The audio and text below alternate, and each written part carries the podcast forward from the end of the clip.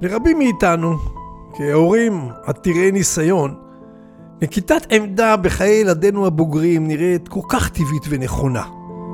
הרי אנחנו מנוסים, אבל אנחנו לא שמים לב שבכך אנחנו מומחים בעיקר לעבר, ולא בהכרח הניסיון, הניסיון הזה, ייטיב עם אחרים. הקשיבו לסיפור הבא שאולי ישמש כצלצול מעורר. להזכירכם, אתם על זיקוקין דינור, פודקאסט שמעלה סיפורי חיים קטנים, מהחיים של כולנו, שיש בהם חומר למחשבה. מספר לכם בקולו שוק הדינור. אז הנה הסיפור. בתיכון, ניבה הייתה מלכת הכיתה, ללא ספק. ספורטאית, חטובה, שערה משי, עיניה השקדיות משדרות טוב לב ופיקחות. הבנים נכרחו אחריה, איך לא? כשהתגייסה לצבא הצטרפה ליחידה קרבית, ושם פגשה את קובי. קובי שירת ביחידה לא בתפקיד קרבי, אלא בתפקיד אפסנאי. ביישן, מעט גמלוני, וממעט ליצור קשר עם האחרים.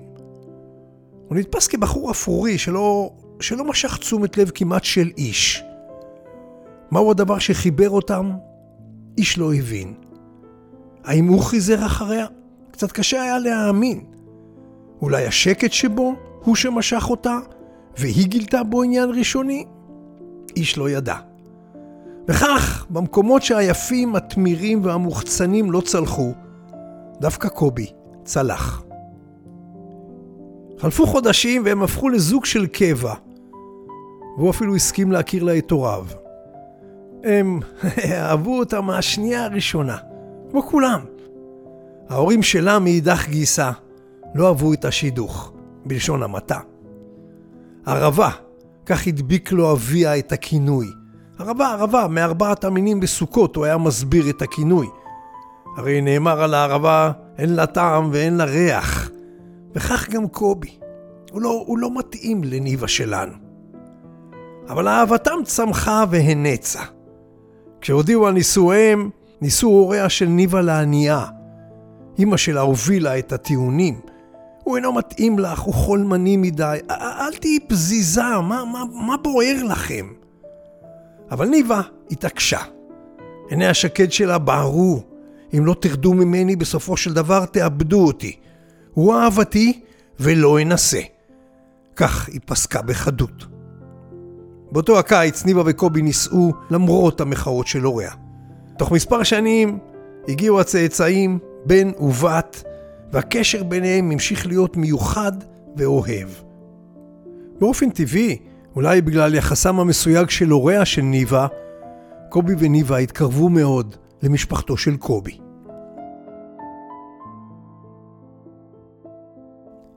כשמלאו לבנם הבכור שלוש שנים, הם יזמו טיול עם משפחתו של קובי לירידה בה במצוק הארבל. ממש לקראת סיום הטיול מעדה ניבה, דווקא ניבה, הספורטאית ואשת האתגרים, היא מעדה החליקה ונפלה מגובה של כמה מטרים ונחבלה קשות בצווארה. היא הוחשה לבית החולים כשהיא לא חשה את חלק גופה התחתון.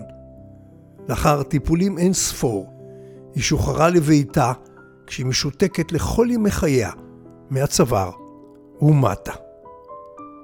בחדרי חדרים לחשו הוריה, היא כל כך רצתה לרצות אותו ואת המשפחה שלו, מי היה צריך את הטיול האתגרי הזה? חלפו כמעט שלושים שנה.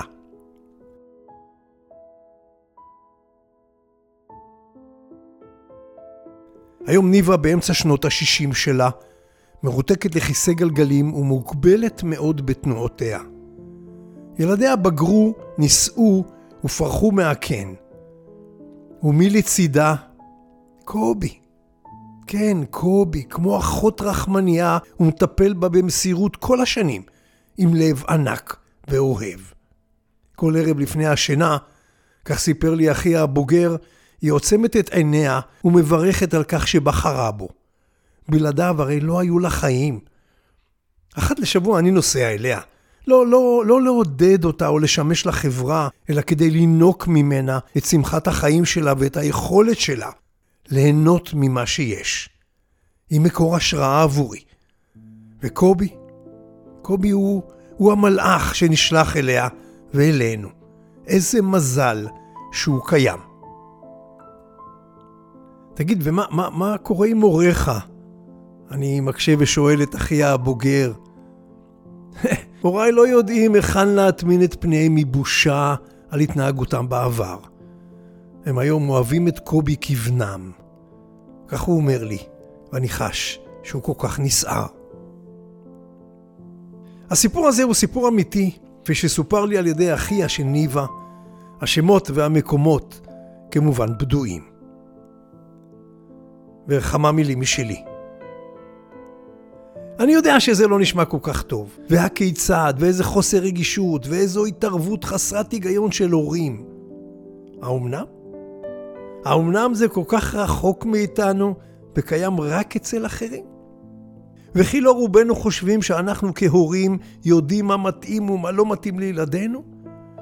וזה לא מהעדה המתאימה, וזו לא משכילה מספיק, וכהנה וכהנה הסיבות לא חסר. ניסיון ובגרות הם טובים וחשובים, ובהחלט יש להביאם לשולחן. אבל אצטט לכם את המשורר והפילוסוף הבריטי מהמאה ה-19, סמיואל טיילור קולרידג', שאמר על הניסיון את המשפט היפה הבא. הקשיבו טוב. ניסיון כמוהו כפנס הקשור לירכתיים. הוא מאיר רק את הגלים שמאחור.